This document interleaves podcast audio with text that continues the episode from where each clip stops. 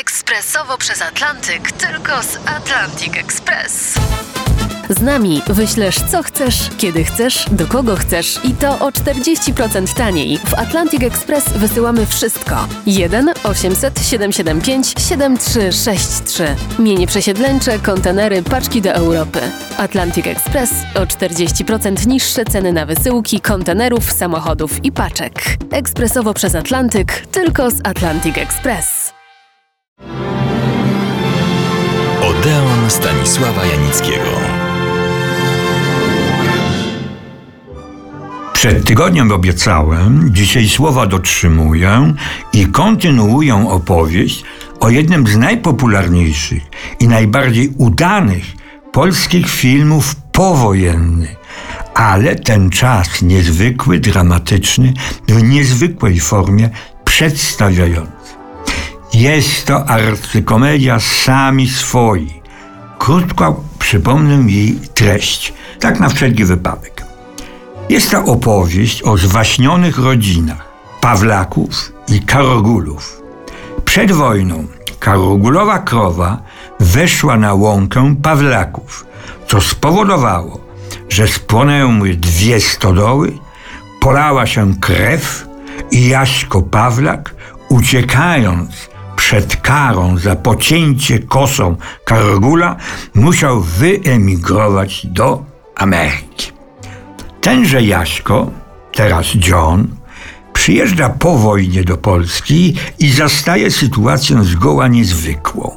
Obie rodziny żyją w zgodzie i harmonii. Tak jednak nie od razu było, ale życie zmusiło emigrantów z Zabuga do zakończenia dawnego sporu. A miłość Witi Pawlaka i Jaćki Kargulanki połączyła ich więzami rodzinnymi.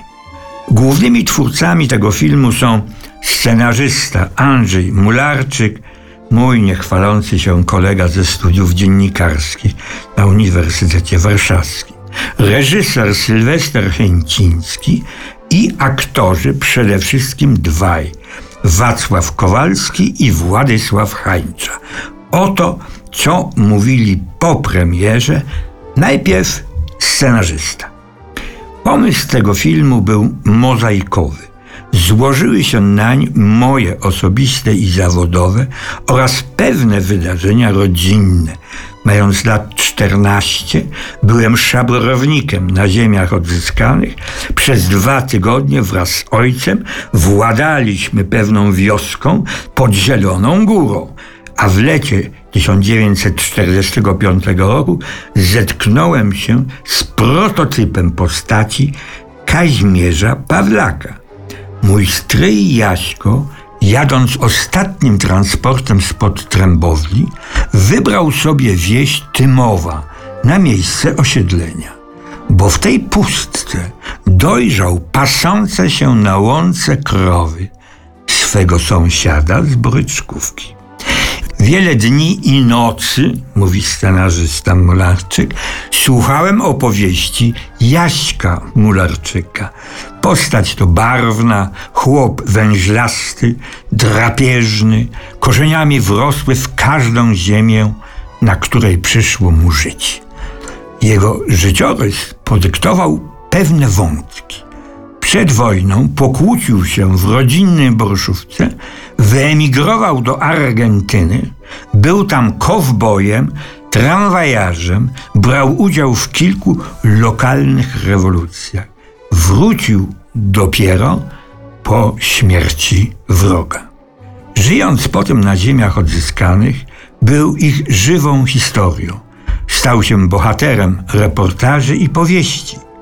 Kiedyś Odwiedzając go z magnetofonem, zastałem u niego gościa, Amerykana, z którym płynęli niegdyś razem za ocean.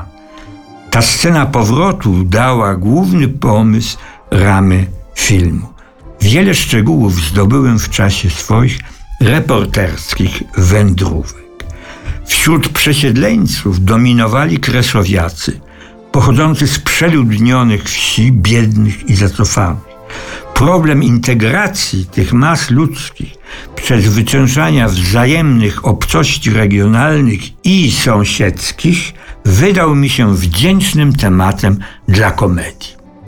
Jerzy Pelc pisał w filmie, że płot dzielący dwie chłopskie rodziny to mur graniczny Fredry.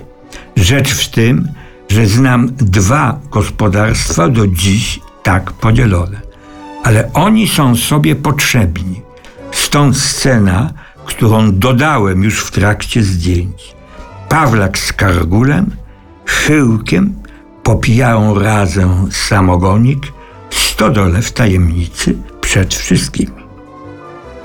Cała ekipa, mówi reżyser Sylwester Chęciński, była zresztą bardzo pełna inwencji. Wacław Kowalski, a także wielu moich współpracowników pochodzi z tamtych stron. Przypominali sobie nazwy, porzekadła ludowe, sytuacje przeżyte w dzieciństwie.